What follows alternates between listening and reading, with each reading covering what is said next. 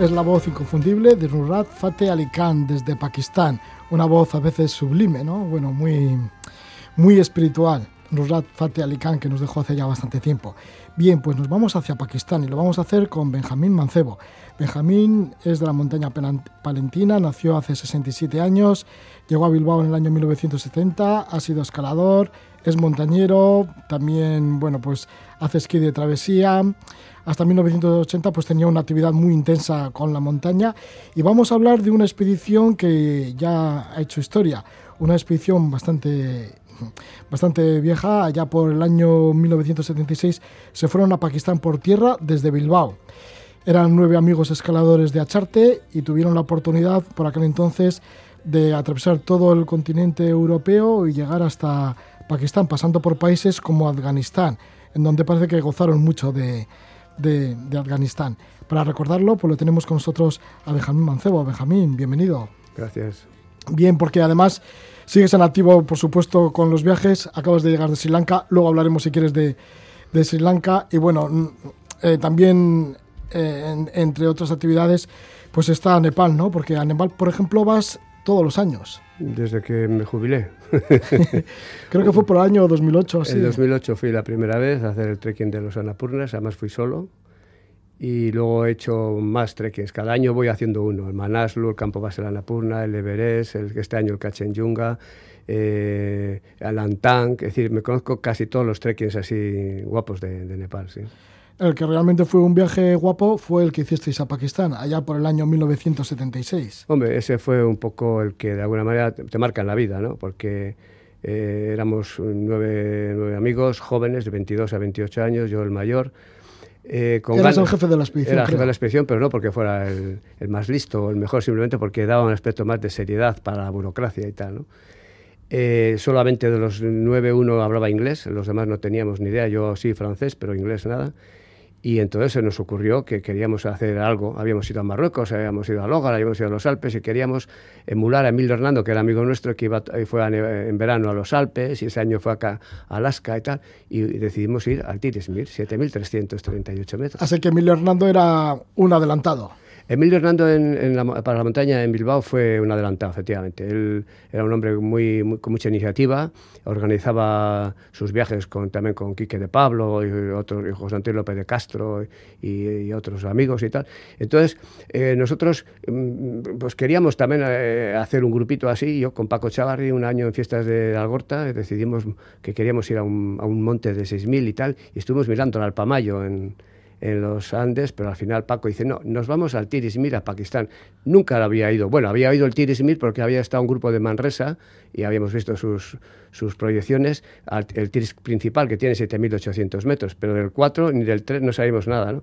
Bueno, empezamos a informarnos y había estado Kurt Bergen allí. Con él estuvimos aquí en Bilbao y nos, nos dio información y empezamos, en seis meses organizamos el el viaje. Así que estuviste con el propio Kurt Dienberger. Sí, vino a Bilbao. Uno de los grandes escaladores de todos los tiempos. Maestro, o sea, un, un bruto de, de, la montaña, un hombre muy, muy... Aparte de que era muy buen montañero, también tenía una cabeza muy bien asentada. Con muy, me, me, nos cayó muy bien. ¿Kurt Dienberger vino a Bilbao a dar alguna charla? Sí, vino a dar alguna charla y de paso nosotros pues, eh, estuvimos, también estuvimos con Pérez de Tudela, que allí en esa zona murió su mujer, en, en, esa, en el Tirismir. Eh, estuvimos también con los catalanes de, la comarca del Bagués, nos informamos bien y entonces empezamos a trabajar, buscamos el grupo, organizamos el grupo y empezamos a buscar financiación y no, no, nadie nos daba dinero. Creo que sacamos 400.000 pesetas para un presupuesto de 1.300.000. Y al final, pues eh, no conseguimos dinero para ir en avión. Motor Ibérica nos prestó dos furgonetas, dos jeeps de la marca Ebro, y ahí nos metimos los nueve con tres amigos que eran turistas que nos llevaban a parar el viaje y iban a la India. Y los 1.500 kilos de carga que necesitábamos, comida, material, etcétera, etcétera. Y ahí, así nos, lanzamos, a la buena de Dios. Yo dejé mi trabajo, que tenía un buen trabajo, eh, los otros eran estudiantes, la mayoría y tal, o sea, adelante. O sea, que era una aventura... En toda regla. En toda regla a ver lo que pasaba. Eh, efectivamente, de, hecho, pues fue una aventura muy poco conocida y poco reconocida y poco valorada a nivel montañero porque no estábamos en la onda de, oficial de la montaña. O sea, de hecho nos fuimos a, Pakistán sin el permiso de, la, sin el seguro médico de la Federación porque querían que éramos unos iluminados, que estábamos locos y amigos incluso de aquí de Bilbao pensaban que no llegábamos a Estambul y tal. Pero cuando se dieron cuenta de que la cosa iba en serio y que no solamente llegamos a Estambul, que sino que llegamos a Islamabad, a Islamabad.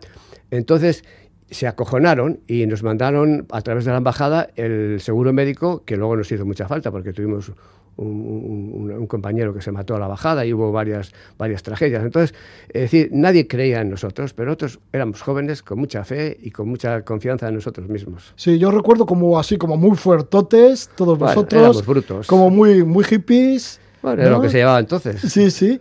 Y bueno, claro, además ibais a hacer la ruta de los hippies, ¿no? Porque claro, por aquel entonces era el Magic Bus que iba desde Ámsterdam hasta eh, Afganistán. A partir, de, a, partir de Estambul, digamos que conectamos con, con, la ruta de los hippies, que iba de, de Holanda, bueno, de Europa, Londres, Ámsterdam. De Ámsterdam salía un autobús, pero se juntaban ingleses de todo tipo, españoles, y a partir de ahí atravesábamos toda Turquía, todo Irán, todo Afganistán y Afganistán te puedo decir que es uno de los mejores países de los que, he conocido en mi vida. El mundo ya no es como era, Afganistán ya no es como era, Irán tampoco es como era, eh, Pakistán tampoco es como era, todo ha cambiado y a peor, en ese, aspecto a peor. Afganistán era un país maravilloso, tolerante, las mujeres no iban con burka, no había talibanes, eh, podías andar libremente por la calle, es decir, era un país que atrapaba mucho.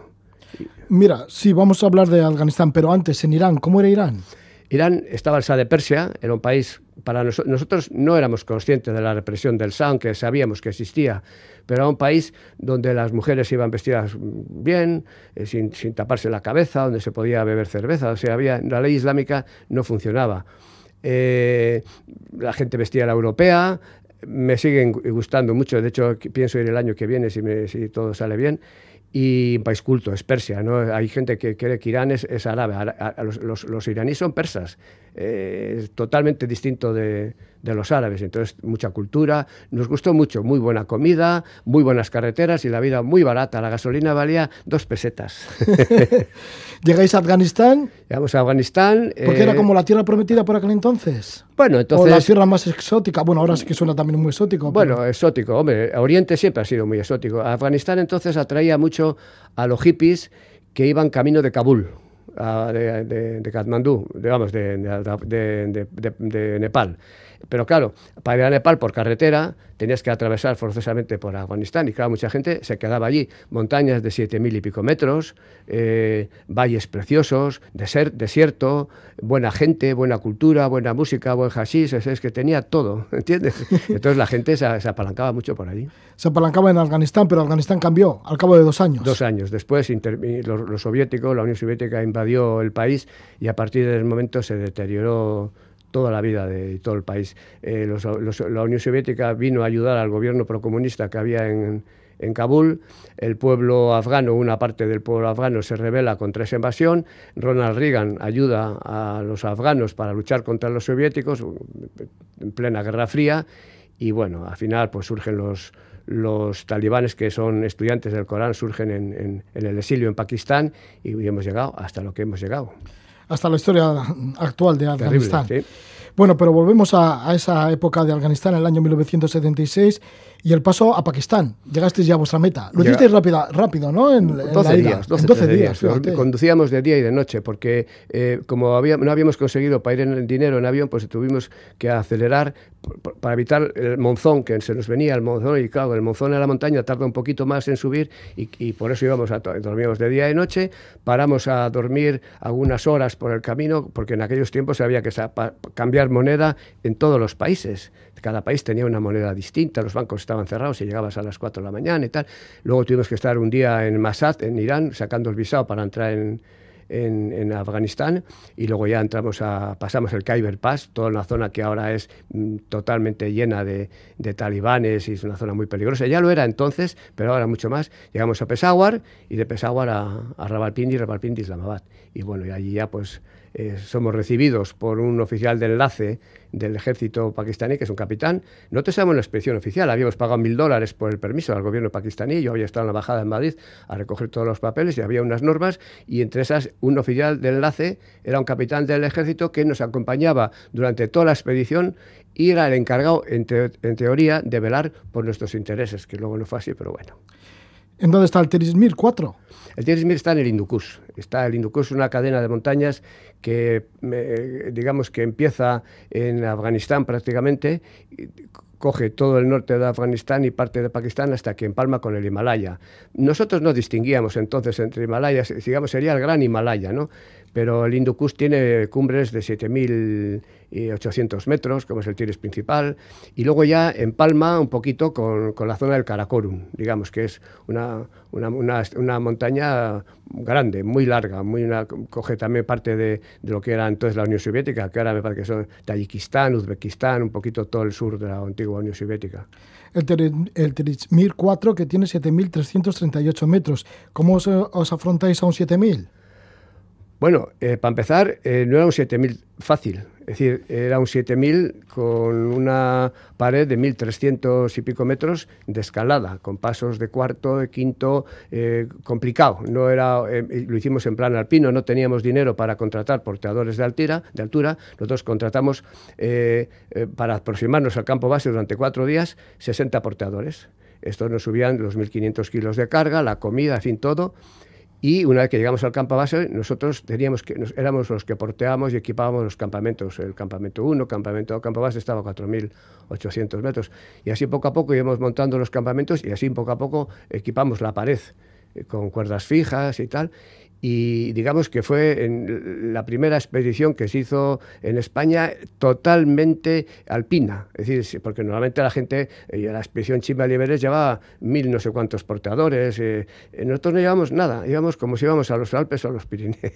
Y más aún porque saliste desde Euskadi, fíjate, y salimos desde, aquí, fíjate tú, salimos desde Bilbao, entonces mucha ilusión, mucha ilusión y mucha juventud y y mucha inconsciencia también y mucha locura. Hubo problemas con algunos padres, alguno no pudo, uno no pudo venir porque su padre no, era, era, muy joven y tenía 18 años, y, mm. en fin, pero bueno, bien. Finalmente subiste a la cumbre incluso. Subimos a la cumbre, sí, sí, se subió a la cumbre, creo que fue un 23 de agosto, y ahí a partir del 23 de agosto surgen un poco las, las desgracias, digamos, ¿no? En la, bajada hay un rappel y Ernesto Fonkerny, que bajaba con Paco Chávarri, que son los dos que hicieron cumbre, eh, el resto se le enredó la cuerda del rappel, hacía viento y bueno, eh, el caso es que, se tuvieron que pasar una noche allí al aire, a 7.000 metros, y a la mañana siguiente cuando subió la ayuda eh, Paco había bajado ya y dejó allí a Ernesto y cuando fuimos ya no estaba Ernesto, es decir, Ernesto se había caído por mil metros, se había despeñado por la pared, no sabemos exactamente lo que pasó, pues quedó atado y tal, intentaría bajar por su cuenta, no sé. Entonces a partir de ahí se nos tuerce todo, ¿eh? porque hasta a partir de ahí todo salió perfectamente. El tiempo no era muy bueno, pero podíamos subir, nevaba, hacía sol, pero ya a partir del accidente pues el, grupo se dividió en dos porque empezó el ramadán y los porteadores dijeron que ellos con ramadán que no porteaban. Entonces, un grupo tuvimos que bajar, desmontar el campo base, todo lo que material que pudimos y tal, y bajar al pueblo, a Musgo, que está a tres días abajo, ¿no? Y el otro grupo bajó eh, bajaba cuando hicieran cumbre, pero claro, cuando estábamos abajo nos enteramos de que había un, Ernesto había muerto, Paco Chávarri tenía graves congelaciones en un pie. Es decir, a partir de ahí fue todo una supervivencia muy dura, o sea, muy dura. ya fíjate, ¿no? Con la ilusión que ibais, con el ánimo, todos tan jóvenes. Sí, bueno. por todo el camino, toda Europa, toda Asia, y luego pues llega la, tragedia en la bueno, montaña. es lo que es lo que la montaña tiene, a veces tiene estas eh, estas cosas, ¿no? Nosotros sabíamos a dónde íbamos, o sea, no sabíamos que íbamos a un lugar peligroso y que había riesgo. La montaña entraña riesgos, todavía hoy entraña mucho riesgo. Hoy hay más equipación, más, medios, te sacan con un helicóptero y tal. Entonces no había nada. Y cuando estuvimos en la embajada en Islamabad, la embajada española, el embajador les preguntaba si nos pasaría algo y, tal. Y me acuerdo que Ernesto dijo, pues bueno, pues nosotros sabemos dónde venimos. Si alguno eh, se mata o se, congela, pues ya sabemos a dónde venimos. Asumimos el, riesgo de, esa aventura y bueno, y de hecho, pues el riesgo fue un compañero que se quedó allí. Y, el propio Ernesto. El propio Ernesto, efectivamente. Y luego Paco, medio pie, que le tuvieron que amputar en Chamonix a la vuelta, en fin. ¿Y cómo salió Paco de allí? Pues evacuar a Paco en aquellas circunstancias por un glaciar de 40 kilómetros de largo lleno de grietas fue muy complicado. No teníamos camillas, no teníamos eh, tal, tuvimos que eh, comprar portadores. Eh, con el dinero que nos había prestado la Embajada Española, pudimos comprar portadores para ayudar a bajar a Paco. Y gracias a Agustín Castel, que era el, cuarto estudiante de cuarto de medicina, junto con Ernesto eh, Foncarni, eran los dos estudiantes de medicina, pero la función de médico la ocupó Agus. Y gracias a que Agus le, le inyectaba aspirina inyectable, o sea, vasodilatadores, para evitar que el, pie no se cangrenara. Te puedo decir que una, una congelación como esas apesta huele mal, es carne podrida, ¿no? al final, pues bueno, conseguimos bajarle al pueblo, en el pueblo tuvimos que alquilar a un maestro que había por allí un caballo en pleno ramadán, muy complicado, y con ese caballo montamos a Paco, yo me acuerdo que llevaba el caballo cogido de la brida, subir una montaña, subir eh, mil metros de desnivel hasta cuatro mil y luego bajar al pueblo otros dos mil metros, muy duro. Llegamos al pueblo donde llegaban los jeeps, la carretera, la pista, y aquí pues nos encontramos con que había una huelga de jeeps. Y entonces, gracias, el oficial de enlace obligó, un, capitán del ejército en Pakistán es una autoridad, obligó a, dos choferes a que nos bajara a Chitral. En Chitral hay un aeropuerto, y llegamos a Chitral, nos cogió el, monzón, o sea, muchos problemas. Al final logramos evacuar a, a Paco hasta Islamabad y al día siguiente la embajada ya movió a Roma con Santiago, consiguió dos billetes y tal, y vía Londres, le llegó a Bilbao y bueno, él vino con Agus aquí y nosotros eh, volvimos luego tranquilamente por carretera.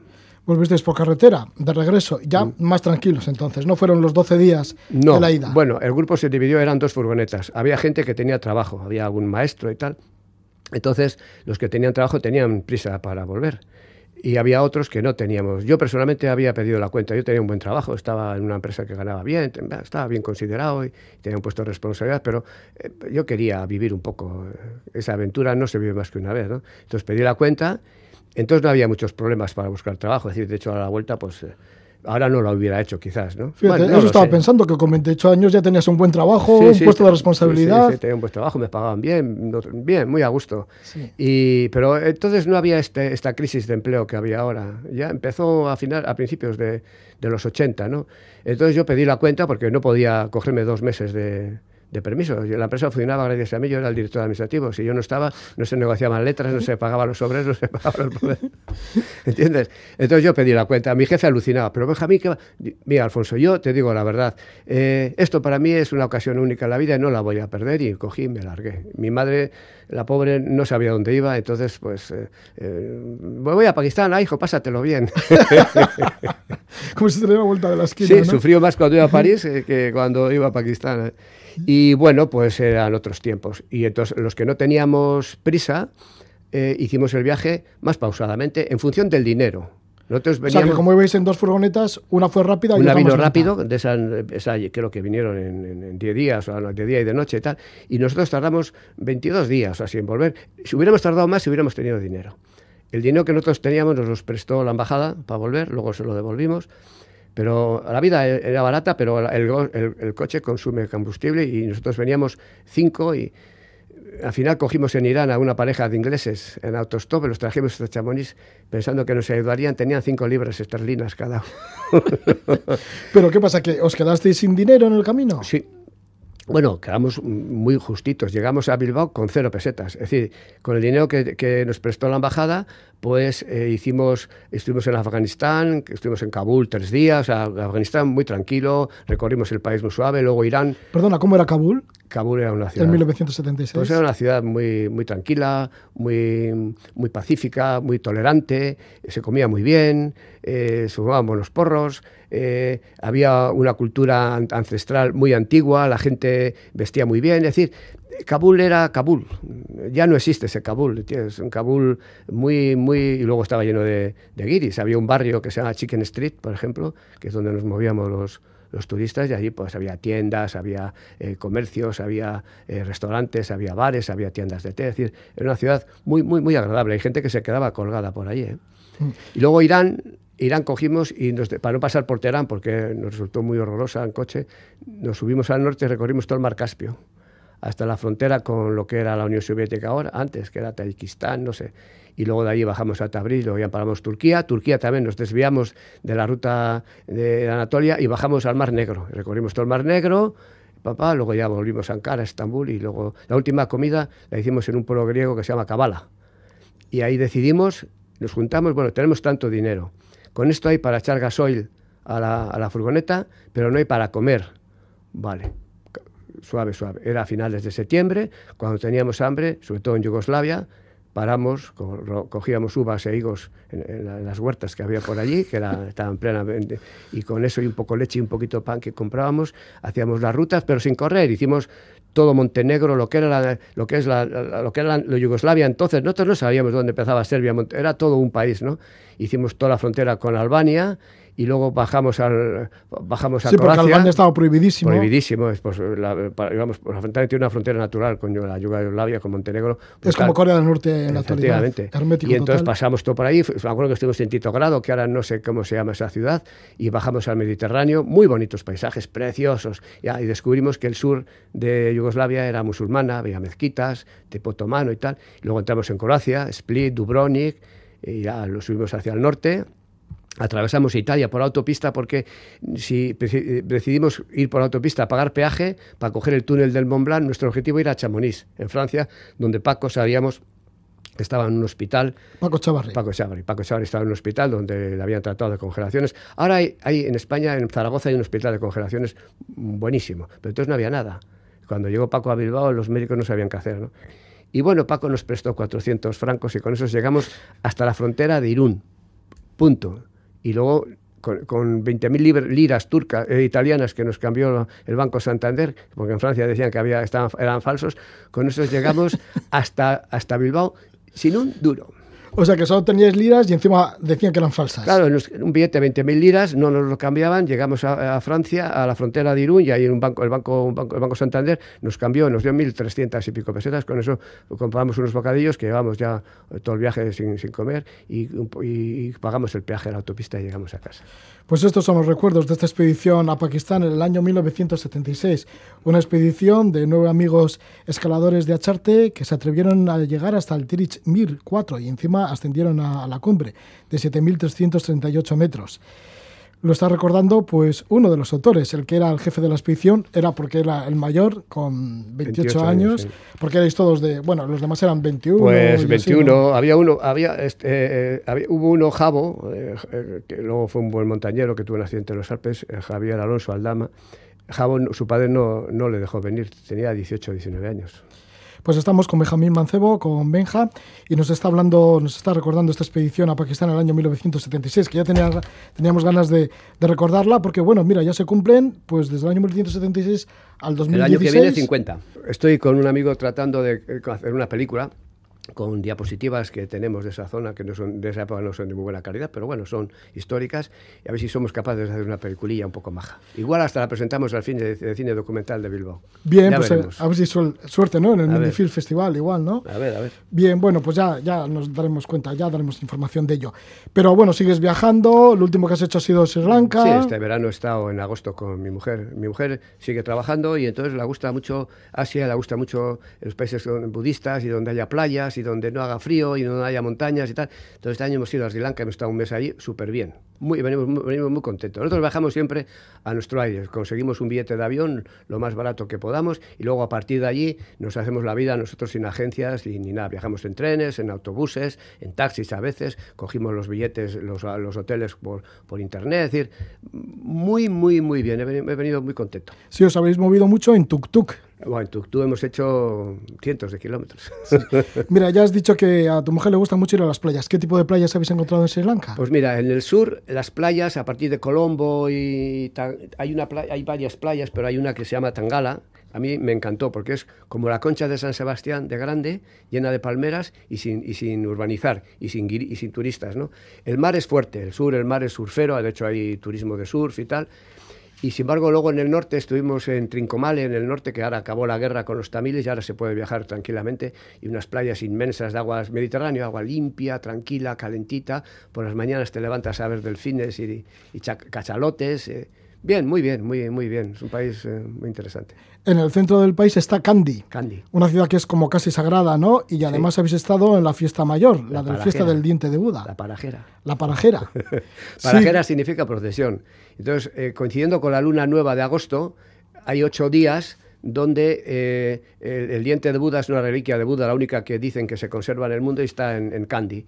Y entonces eh, todas las noches hay unas grandes fiestas. Y la, el, el, día de la luna llena, ese día, 50, 60 elefantes, bien vestidos, con brocados de sedas y engalanados, eh, con luces y con sus orquestas de, de, percusión, van paseando por toda la ciudad y al final los elefantes llevan en un, en un trono de oro arriba, como si fuera una, como si las, las, fiestas del corpus aquí, llevan el diente de Buda ahí arriba. Hay una fe terrible con el diente de Buda. ¿eh? Por la mañana la gente va al templo a ofrecer flores de loto y, y con los niños. Nosotros fuimos también pues, para, para ver cómo era el templo y tal.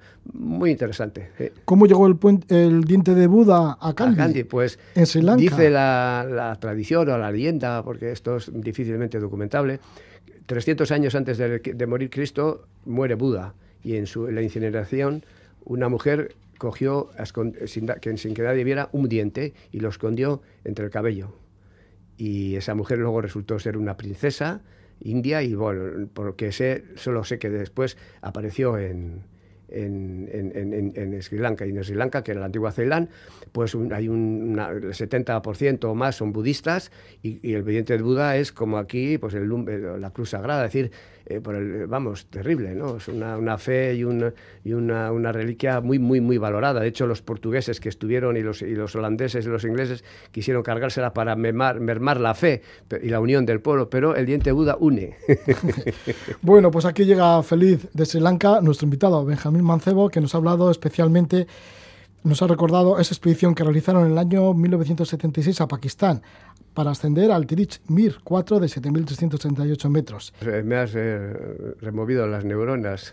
ya, ya, y, y, has vuelto, pues fíjate, aquellos épocos, ép época dorada, ¿no? Bueno, sí, yo, vamos, yo, para mí todas las épocas son doradas, yo ahora estoy encantado de la vida también, pero bueno, aquello era, era éramos jóvenes, era una época también eh, con ansias de libertad, aquí se murió Franco, queríamos vivir, queríamos conocer el mundo, queríamos, eh, queríamos saber, queríamos ya. aprender. ¿Y supisteis? Y supimos, ya, ya, ya, decía Pío Baroja que hay que viajar y leer para saber. Pues mira, esa, esa frase está muy bien para, para terminar esta entrevista con ese mensaje. Pues muchas gracias por estar con nosotros, Benja. Un fuerte abrazo. Hasta cuando quieras.